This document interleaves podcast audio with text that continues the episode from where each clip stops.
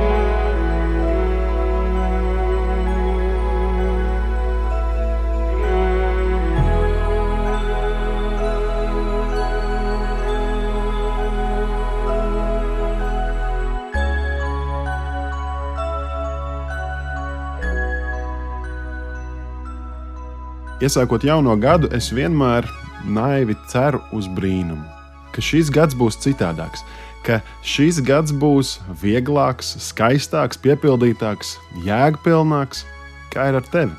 Vai tu jau esi tajā dzīves stadijā, kur nekādas pārmaiņas negaidi un vienkārši ļaujies ikdienas ritējumam, nemēģinot neko mainīt? Es tomēr gribu plānot savu dzīvi, paļaujoties uz ka Dieva žēlastība vēl nav beigusies, un tā ir jauna ik rīt. Jo Dievs ir uzticams. Es to esmu redzējis līdz šim, un man nav pamata domāt, ka šogad kaut kas varētu mainīties. Man patīk teiciens, ja tu neplānosi savu laiku, tad citi to izdarīs tavā vietā. Kā tu plānosi šo jauno gadu, lai tavas dieva dāvātās žēlastības dienas būtu nevis tikai aizpildītas, bet piepildītas? Kad reiz runāju ar kādu pieredzes bagātu mācītāju, viņš stāstīja par savu pieredzi tikšanos ar cilvēkiem apvienot ar ēdienreizēm.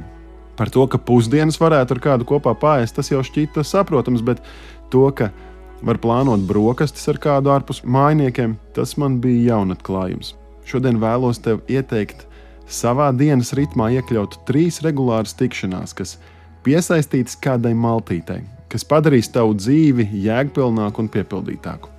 Tā pirmā ēdienreize ir brokastis, un mans piedāvājums ir ieplāno brokastis ar Jēzu.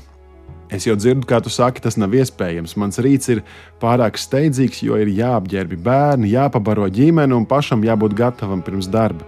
Es tev saprotu, arī mans rīts visbiežāk ir gan steidzīgs.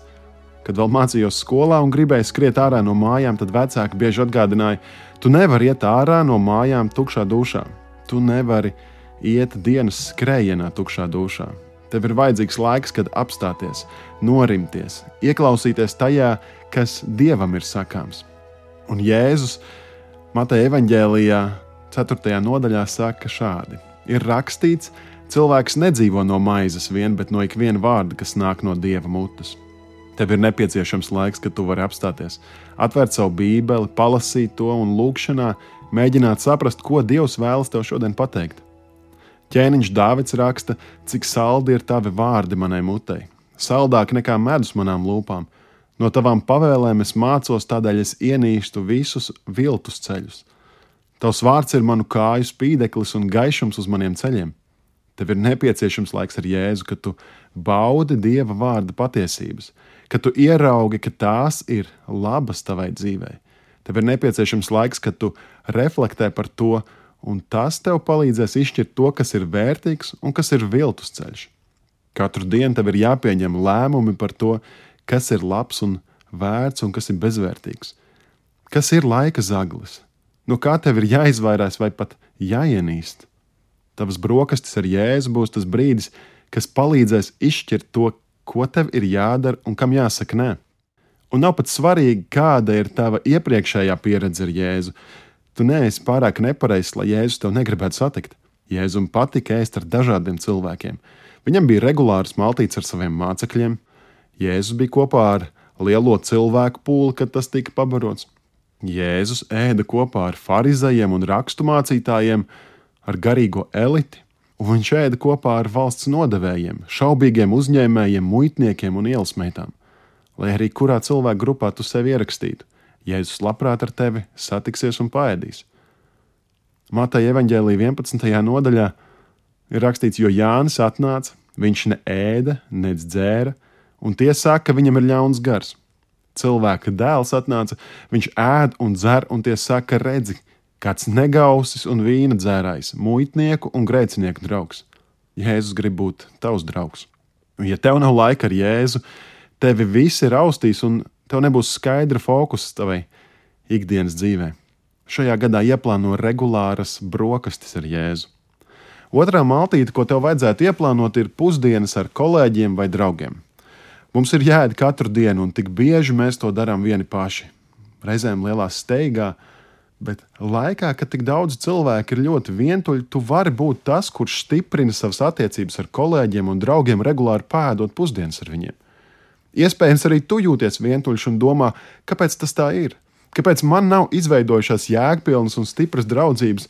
Iespējams, tu pat neapzināti krāji rūkumu un vaino savus paziņas un draugus, jo viņi nepainteresējas par tavu dzīvi, kā tev iet un kā tu jūties. Lūkas evanģēlī 9. nodaļā, kad Jēzus bija mācījis lielu ļaužu pūli, viņš saviem mācekļiem teica: Dodiet jūs viņiem ēst, bet tie sacīja, mums nav vairāk kā piecas maizes un divas zivis vai lai mēs aizejam pirkt barību visiem šiem ļaužu pūlim? Dodiet jūs viņiem ēst.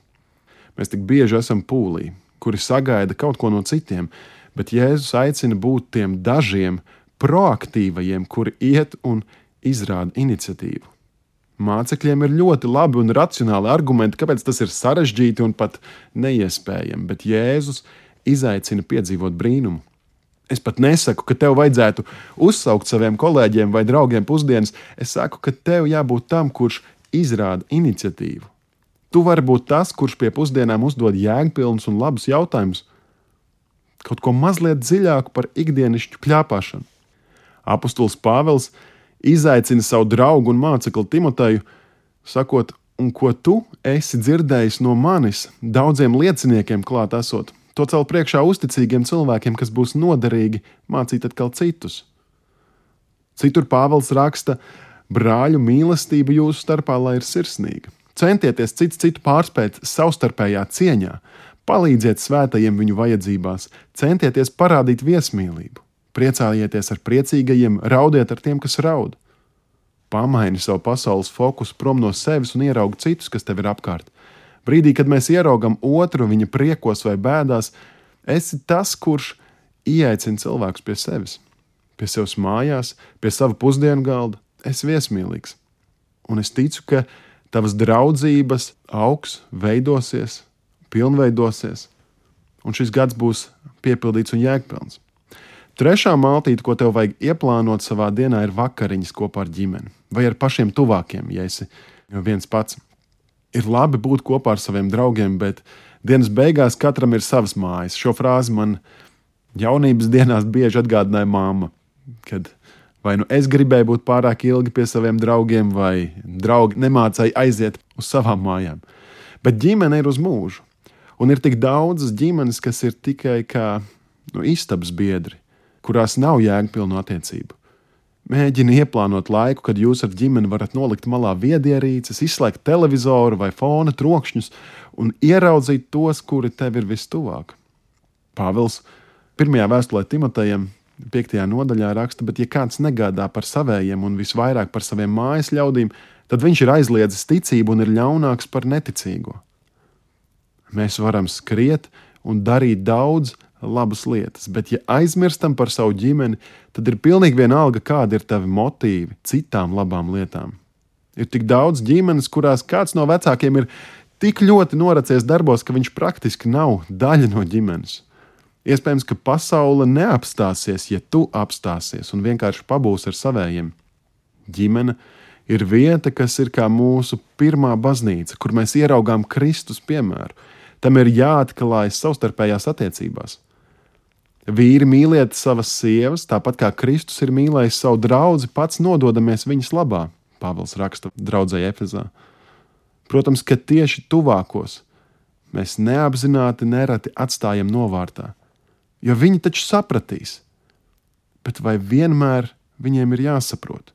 Varbūt kādreiz man ir jāsaprot, varbūt kādreiz tev ir jāsaprot, ka ģimene ir pirmajā vietā, ka tev kā vīram ir jāapstājas un jābūt mājās, lai mīlētu savu sievu, lai kaut ko no sevis uzupurētu. Tādā veidā parādot savai ģimenei, kas ir vislielākā mīlestība. Tā ir klātbūtne, tā ir uzupurēšanās, tā ir citu stādīšana augstāk par sevi.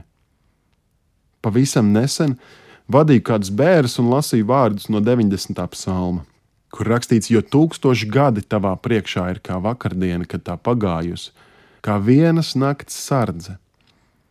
Tik bieži mēs novērtējam savus mīļos un tuvos tikai tad, kad to vairs nav. Tad šķiet, ka varēja taču mazliet ilgāk, varēja īstāk, varēja patiesāk. Es gribu, lai tavā dzīvē nav tik daudz šādu nožēlas pilnu brīžu. Lai tavā dienā un nedēļā nav neviena mirkļa, kad būtu jānožēlo, ka es nebiju klātesošs. Tāpēc izdzīvo katru dienu jēgpilni un piepildīti. Paiet brokastis ar Jēzu, lai būtu skaidra galva un skaidrs fokus, kur man ir jāvirzās. Paiet pusdienas ar draugiem vai kolēģiem, lai tavas draudzības būtu stipras un jēgpilnas, un paiet vakariņas ar ģimeni, lai tavi vistuvākie justu, ka tev patiesi rūp. Un, ja vajag, tad droši maini secību. Godīgi sakot, arī man biežāk ir vakara tēja ar Jēzu un brokastis ar ģimeni, vai tu vari mainīt un pielāgot šo secību, kā tev ir labāk. Un pat ja tev šodien nav neviena, esi atvērts, ka Dievs to šajā gadā var pievest cilvēkus, kurus šajā brīdī tu varbūt pat vēl nepazīsti. Kas zina, varbūt izveidosies kādas jaunas, skaistas draudzības, kas zina, varbūt tev tiks pievests tavs dzīves draugs šajā gadā. Bet neaizmirst to, ka tev ir jāēd regulāri, bet nē, viens.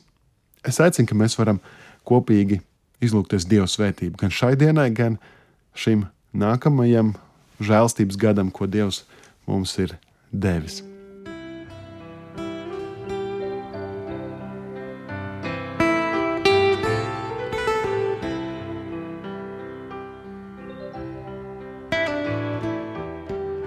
Varenais Dievs, es tev pateicos par to, ka tava žēlastība nebeidzas nekad, un nav gala tavai žēlsirdībai.